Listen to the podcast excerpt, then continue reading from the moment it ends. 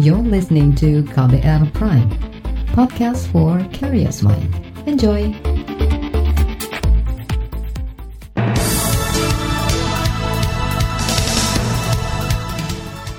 Selamat pagi saudara, senang sekali kami bisa menjumpai Anda kembali melalui program Buletin Pagi edisi Jumat 28 Agustus 2020 bersama saya Ardi Rusyadi.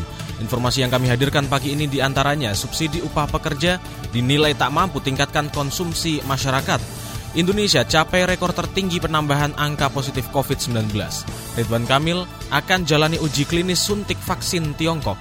Inilah Buletin Pagi selengkapnya. Terbaru di Buletin Pagi.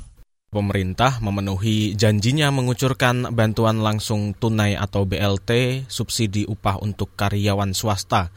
Kemarin pencairan mulai dilaksanakan. Uangnya ditransfer langsung ke rekening bank pekerja bergaji di bawah 5 juta rupiah per bulan yang merupakan peserta BPJS Ketenagakerjaan. BLT senilai 600 ribu per bulan itu diberikan selama 4 bulan atau dicairkan 1,2 juta selama 2 bulan. Setelah subsidi upah itu 2,4 juta per pekerja dan pemerintah menargetkan mencairkan BLT untuk 2,5 juta pekerja per minggu. Sehingga sampai September nanti total ada 15-an juta pekerja memperoleh subsidi upah. Presiden Jokowi saat peluncuran program subsidi upah di Istana Kepresidenan berharap bantuan yang diberikan kepada pekerja swasta non-ASN dan BUMN berpenghasilan di bawah 5 juta rupiah per bulan bisa meningkatkan konsumsi rumah tangga masyarakat. Ya komplit, siapa pun yang membayar iuran BPJS ke tenaga kerjaan secara aktif sampai bulan Juni, rajin, patuh, itu yang diberikan. Kita harapkan nantinya setelah ini diberikan kepada Bapak Ibu sekalian, konsumsi rumah tangganya naik. Menurut Presiden Jokowi, konsumsi masyarakat menjadi salah satu upaya untuk meningkatkan pertumbuhan ekonomi di masa pandemi.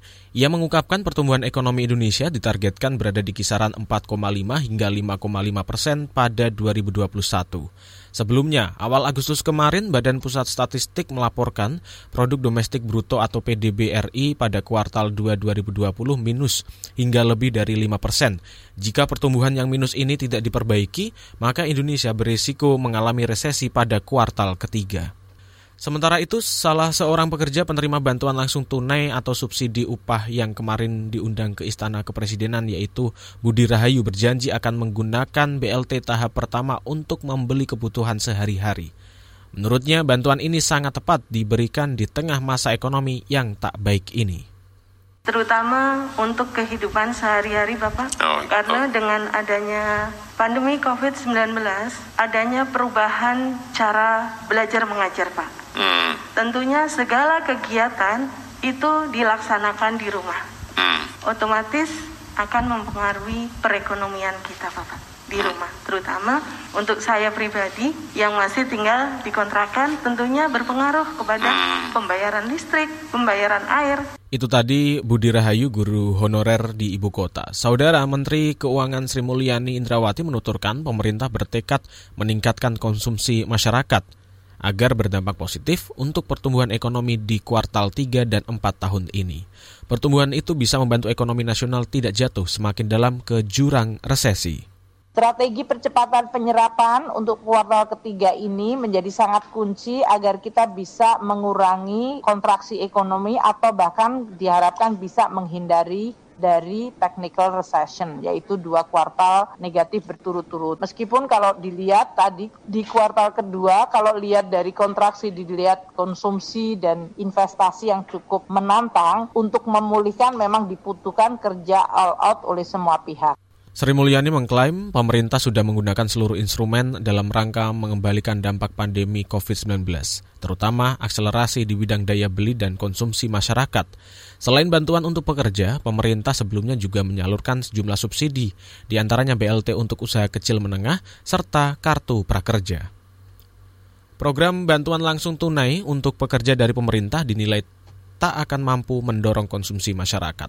Direktur Eksekutif Indef Tauhid Ahmad justru menganggap subsidi upah itu salah sasaran karena menurutnya pekerja yang terdaftar sebagai peserta BPJS Ketenagakerjaan umumnya justru memiliki upah di atas garis kemiskinan sehingga kecil kemungkinan akan dibelanjakan untuk konsumsi rumah tangga. Masalahnya adalah karena penerima upah ini adalah bukan orang miskin, tentu penggunaan untuk konsumsi yang diharapkan untuk makanan, minuman, dan sebagainya itu akan potensinya jauh lebih kecil. Kemungkinan besar penggunaan daripada 600 ribu ini kalaupun dikonsumsi mungkin buat pulsa dan sebagainya. Yang kedua, ya dalam situasi begini bagi pekerja ada kemungkinan mereka membayar cicilan, pinjaman, termasuk kalaupun mereka masih lebih terutama ya ini akan disimpan untuk berjaga-jaga apalagi tengah situasi pandemi. Direktur Eksekutif Indef Tauhid Ahmad juga menyarankan supaya pemerintah lebih memberi BLT kepada pekerja yang penghasilannya di bawah garis kemiskinan atau di bawah upah minimum provinsi seperti misalnya kalangan pekerja informal. Kita ke informasi manca negara, Malaysia kembali membatasi operasi sektor perniagaan hingga pukul 12 malam waktu setempat.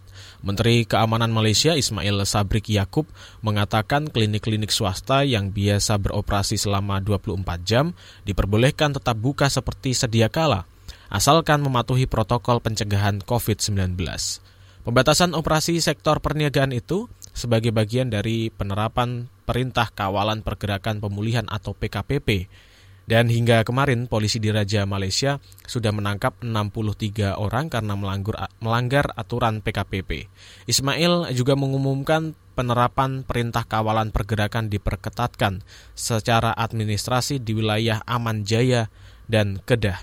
Penerapannya dimulai hari ini hingga batas waktu yang akan ditentukan Kementerian Kesehatan. Saudara pemerintah tetapkan dua tipe pembiayaan vaksin COVID-19. Informasinya usai jeda, tetaplah di Buletin Pagi KBR. You're listening to KBR Pride, podcast for curious mind. Enjoy!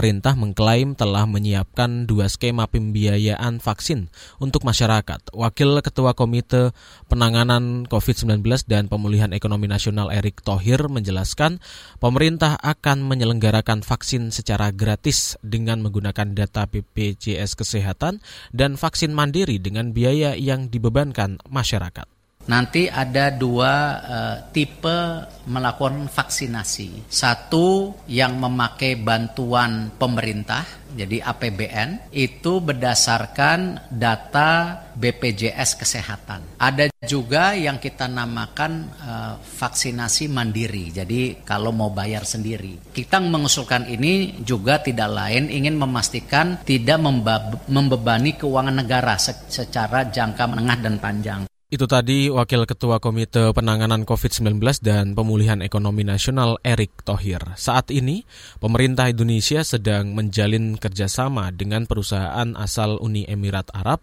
serta perusahaan asal Tiongkok dalam mengembangkan vaksin COVID-19. Indonesia menargetkan mendapatkan 30 juta vaksin untuk 15 juta orang pada akhir 2020. Sementara untuk tahun depan, total komitmen pengadaan vaksin mencapai 290 hingga 340 juta dosis. Masih seputar COVID-19, penambahan kasus harian COVID-19 di Indonesia mencapai rekor tertinggi dalam sehari. Satgas Penanganan COVID-19 mencatat sepanjang hari kemarin ada tambahan lebih dari 2.700 kasus positif baru.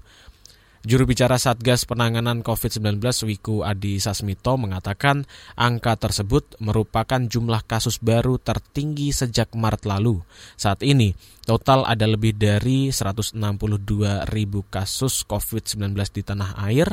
Satgas juga mencatat jumlah pasien sembuh bertambah menjadi 118 ribu orang, sedangkan pasien meninggal angkanya mencapai 7 ribu jiwa. Beralih ke informasi lainnya, Kejaksaan Agung memberi izin Badan Reserse dan Kriminal Bareskrim Mabes Polri memeriksa Jaksa Pinangki Sirna Malasari terkait dugaan suap korupsi yang melibatkan Joko Chandra. Pinangki saat ini sudah ditetapkan sebagai tersangka oleh Kejagung atas dugaan penerimaan suap. Dan berikut pernyataan juru bicara Kejaksaan Agung Hari Stiono. Ya, masing-masing mempunyai perbuatan yang berbeda tentunya. Kami hanya fokus terhadap penyidikan yang ada pada jam pitsus ini dan pasal sangkaannya sudah kami sampaikan. Kemudian perbuatannya apa? Ternyata perbuatannya adalah terkait dengan pengurusan fatwa. Kepolisian saat ini sedang mengembangkan kasus Joko Chandra terkait dengan perkara pembuatan surat jalan palsu serta dugaan suap dalam penghapusan status buronan atau red notice di Interpol. Dalam dua perkara itu, kepolisian sudah menetapkan lima tersangka di antaranya Joko Chandra, pengacara Anita Kolopaking, pengusaha Tommy Sumardi, serta dua jenderal polisi, yaitu Prasetyo Utomo dan Napoleon Bonaparte sebagai terduga penerima suap. Sementara itu, rencana Mendikbud Nadiem Makarim menganggarkan 9 triliun rupiah untuk menyubsidi pulsa dan kuota internet siswa, guru, mahasiswa, serta dosen selama masa pembelajaran jarak jauh dinilai masih belum melegakan. Anggota Komisi Pendidikan di DPR, Ledia Hanifa Amalia, mengatakan Mendikbud harus berkoordinasi dengan Kementerian Kominfo terlebih dahulu untuk membenahi kualitas koneksi internet hingga ke pelosok supaya subsidi kuota selama empat bulan tidak salah sasaran pada daerah-daerah tertentu yang sulit untuk dilakukan pembelajaran jarak jauh dengan melalui internet tentu harus tersedia sinyal daerah di mana eh, sinyal tersebut bisa dengan kuat. Ada beberapa daerah misalnya salah satunya daerahnya Penajam Pasir mereka akhirnya belajar lewat via WA chat. Kebayang kusutnya dengan online kita udah pusing. Ini lagi dengan WA gimana caranya tuh menjelaskannya itu Bapak Ibu gurunya. Anggota Komisi Pendidikan di DPR RI Ledia Hanifa Amalia juga mengingat mengingatkan Kemendikbud untuk jangan sepenuhnya menerapkan PJJ secara daring. Ledia meminta supaya Mendikbud mengoptimalkan siaran pendidikan di TVRI, RRI, dan platform media lain yang mudah diakses mayoritas pelajar. Kita beralih ke informasi perekonomian. Menteri Keuangan Sri Mulyani menyiapkan lebih dari 89 triliun rupiah per tahun sejak empat tahun lalu untuk mendukung program penanganan perubahan iklim. Kebijakan anggaran itu menurut Menteri Keuangan dilakukan dalam rangka menjalankan komitmen negara untuk penurunan emisi gas rumah kaca hingga 29 persen pada 2030 mendatang. Sri Mulyani menyebutkan Kementerian Keuangan bersama Kementerian Lingkungan Hidup dan Kehutanan akan terus mendukung seluruh langkah-langkah kementerian dan lembaga untuk mengurangi emisi gas karbon. Selain itu, dukungan pemerintah juga diwujudkan dengan memberikan instrumen fiskal perpajakan yaitu pembebasan serta pengurangan pajak untuk sektor energi terbarukan. Beralih ke berita olahraga, Manchester City mengajukan penawaran kontrak selama durasi tiga tahun kepada Lionel Messi. Ini dilakukan setelah Messi menyatakan ingin meninggalkan klubnya Barcelona. Laporan yang dimuat laman Marka itu menyebutkan City menjadi tempat belabuh paling tepat bagi Messi mengingat hubungan pribadinya yang baik dengan pelatih Manchester Biru Pep Guardiola dan penyerang City Sergio Aguero yang sama-sama dari Argentina. Marka melaporkan City akan aktif di bursa transfer jika Messi berstatus bebas transfer. Messi sendiri sudah menepis rumor yang menyebut dirinya bakal bergabung dengan sejumlah klub seperti Inter Milan, Manchester United, ataupun klub masa kecilnya Newell's Old Boys. Rencana kepergian Messi membuat penggemar Barcelona marah dan menuntut presiden klub Josep Maria Bartomeu lengser. Laporan khas KBR bertajuk Lampu Hijau untuk Bioskop akan hadir usai jeda, tetaplah di Buletin Pagi KBR. You're listening to KBR Pride, podcast for curious mind. Enjoy!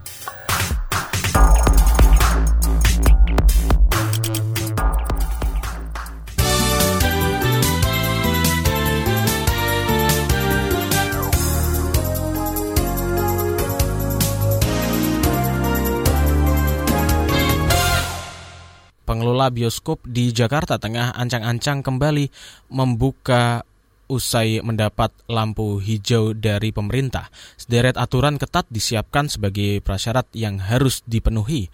Tepatkah keputusan ini? Apakah aturan-aturan tersebut bisa menjamin keamanan konsumen?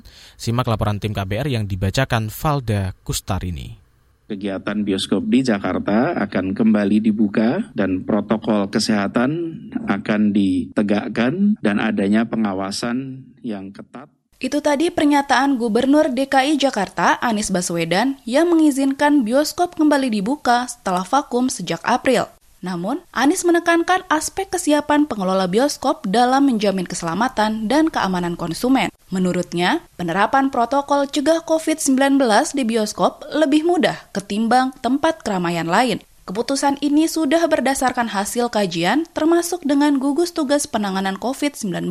Ada beberapa keunikan di dalam kegiatan bioskop ini. Para penonton itu tidak saling berbicara. Ini berbeda dengan di restoran. Yang berikutnya adalah pengaturan tempat. Agak berbeda dengan kegiatan mengumpulkan orang yang tidak ada kursi. Sehingga di mana ada kursi, di situ bisa dilakukan pengendalian siapa duduk di mana. Ketua Tim Pakar Gugus Tugas COVID-19 Wiku Adhisa Smito membeberkan sederet aturan teknis yang harus dijalankan pengelola bioskop saat buka nanti. Di antaranya, jaga jarak aman wajib diberlakukan saat antrean. Pastikan antrian masuk dan keluar dijaga dengan ketat, paling tidak satu setengah meter. Demikian pula kesiapan dari penyelenggara juga harus dilakukan training dengan baik supaya dapat memastikan protokol kesehatan dijalankan dengan ketat dan tertib. Anak-anak dan lansia dilarang menonton di bioskop. Rentang usia yang diizinkan mulai 12 tahun hingga 60 tahun dan dipastikan tidak memiliki penyakit penyerta. Selama menonton, pengunjung dilarang makan dan minum di dalam bioskop dan tentunya pembatasan waktu di dalam ruangan tidak lebih dari dua jam antara kursi juga dilakukan dengan baik sehingga tidak terjadi kontak antara pengunjung. Pemesanan tiket tidak dilakukan secara fisik tetapi semuanya dengan online. Selain mengenjot ekonomi, menurut Wiku, pembukaan kembali bioskop bisa meningkatkan imunitas masyarakat karena memompa kebahagiaan. Bioskop memiliki kontribusi penting terutama dalam memberikan hiburan kepada masyarakat karena imunitas masyarakat juga bisa meningkat karena bahagia atau suasana mental fisik dari para penonton dan masyarakatnya juga ditingkatkan. Segepok aturan yang disiapkan pemerintah belum mampu membuat Yunita tergerak ke bioskop saat buka nanti. Meski sebenarnya ia sudah rindu ingin menonton film layar lebar dengan suasana khas sinema. Selama pandemi, Yunita mulai terbiasa berlangganan aplikasi menonton berbayar. Sekarang banyak banget platform film yang oke okay, kayak Netflix ada view banyak juga yang ilegal.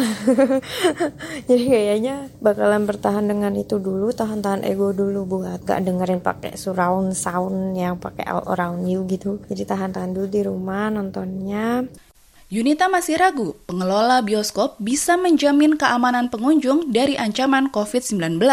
Apalagi, ruangan sinema didesain tertutup yang mempermudah penularan virus kita nggak tahu kondisinya apakah setelah filmnya selesai nanti pihak bioskopnya bakalan niat gak ya buat nyemprotin desinfektan lagi. Nah itu juga kayaknya masih bikin kita ragu buat bisa ke bioskop lagi. Lain halnya dengan Amar yang sudah tak sabar menonton kembali di bioskop.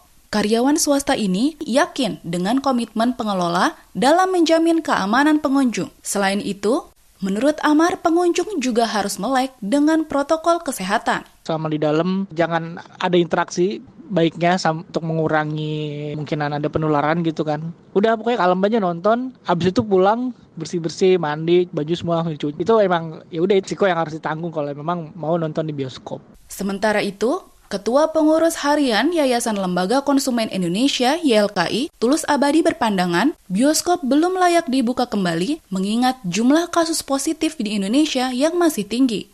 Tulus juga menyinggung struktur bangunan bioskop yang beresiko meningkatkan penularan.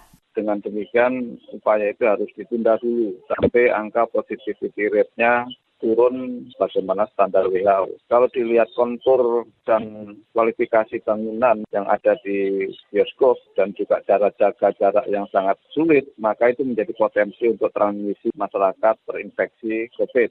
Tulus tak yakin pemerintah bakal konsisten dengan janjinya dalam menegakkan aturan bagi pengelola bioskop. Ia berkaca pada sikap lembek yang ditujukan pemerintah selama ini kita tahu bahwa potensi pelanggaran itu sangat besar di semua lini. Jangankan di bioskop, di kantor-kantor saja kan terjadi klaster-klaster baru karena masyarakat tidak mematuhi protokol kesehatan yang ada, apalagi di bioskop yang memicu orang untuk berkerumun.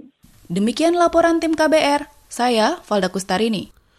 Informasi dari daerah akan kami sajikan usai jeda, tetaplah di Buletin Pagi KBR. You're listening to KBR Pride, podcast for curious mind. Enjoy!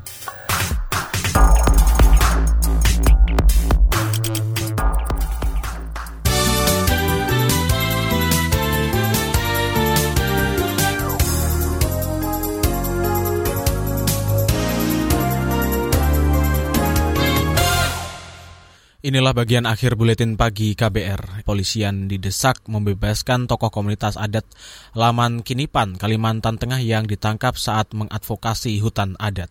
Tokoh adat itu adalah Effendi Buhing yang aktif menolak perluasan kebun sawit. Effendi ditangkap di Lamandau, Kalimantan Tengah dan Sekjen Aliansi Masyarakat Adat Nusantara atau Aman Ruka Sombolinggi menyebut penangkapan itu sebagai bentuk kriminalisasi. Padahal yang beliau inginkan itu sesuai dengan haknya, yaitu ingin didampingi oleh pengacara. Jadi tidak ingin mengikuti proses pemeriksaan tanpa pengacara. Dan justru oleh Polda disebut tidak kooperatif. Menurut saya ini hal yang kemudian beritanya dibelokkan. Juga yang menjadi keprihatinan kami karena ini polisi datang ke kampung seperti mau menangkap teroris. Datang bersenjata lengkap, berpakaian lengkap, dan menarik secara paksa beliau untuk ikut. Ruka Sombo Linggi menilai penangkapan tokoh adat itu merupakan buntut konflik lama antara masyarakat dan perusahaan sawit sejak 2004. Konflik meningkat pada 2012 ketika perusahaan PT Sawit Mandiri Lestari muncul dan mengantongi berbagai izin pengelolaan lahan. Sementara itu, kepolisian Lamandau menyebut penangkapan tokoh adat itu karena ada laporan dugaan tindak pidana pencurian dengan kekerasan. Informasi menuju ke Jawa Barat, Gubernur Jawa Barat Ridwan Kamil hari ini akan disuntik vaksin Sinovac asal Tiongkok. Vaksinasi sebagai bagian dari uji klinis tahap ketiga itu akan dilakukan di Puskesmas Garuda, Kota Bandung. Menurut Emil, keikutsertaannya bersama ketiga pejabat daerah sebagai relawan yaitu untuk membuktikan keamanan vaksin ini. Sehingga setelah itu akan dimonitor kondisi tubuh setelah diberi vaksin pemberian vaksin akan berlangsung dua tahap di kunjungan ketiga. Setelah itu pemeriksaan darah nanti dicek apakah imunitas saya naik 90 persen. Kalau itu berhasil berarti tujuan tercapai sehingga bisa menjadi uh, bukti mulailah diproduksi. Ridwan Kamil mengatakan pejabat daerah sudah seharusnya ikut menjalani uji klinis agar mengetahui kesuksesan dan kegagalan vaksin COVID-19. Informasi dari Jakarta, Gubernur DKI Jakarta Anies Baswedan resmi memperpanjang pembatasan sosial berskala besar PSBB transisi selama dua pekan atau hingga 10 September 2020. Ini merupakan yang kelima kalinya Pemprov DKI memperpanjang PSBB transisi. Kebijakan PSBB merupakan salah satu upaya Pemprov DKI untuk menekan laju penyebaran penyebaran virus corona. Namun dalam beberapa hari terakhir justru jumlah kasus positif COVID mencatatkan rekor penambahan tertinggi. Hingga Kamis kemarin total positif COVID-19 di Jakarta mencapai 36 ribu orang. Dari jumlah itu sebanyak 28 ribu orang dinyatakan sembuh dan seribuan orang meninggal. Adapun jumlah kasus aktif di Jakarta sampai saat ini sebanyak lebih dari 7 ribu orang. Mereka masih dirawat atau menjalani isolasi mandiri. Saudara informasi dari Jakarta menutup jumpa kita di buletin pagi hari ini. Pantau juga informasi terbaru melalui kabar baru, melalui website kbr.id, Twitter kami di @beritaKBR serta podcast melalui kbrprime.id. Akhirnya saya Ars, Ardi Rosyadi bersama kerabat kerja yang bertugas undur diri. Salam.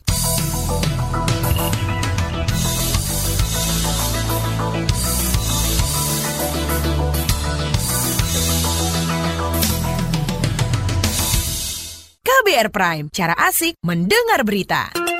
KBR Prime, podcast for curious mind.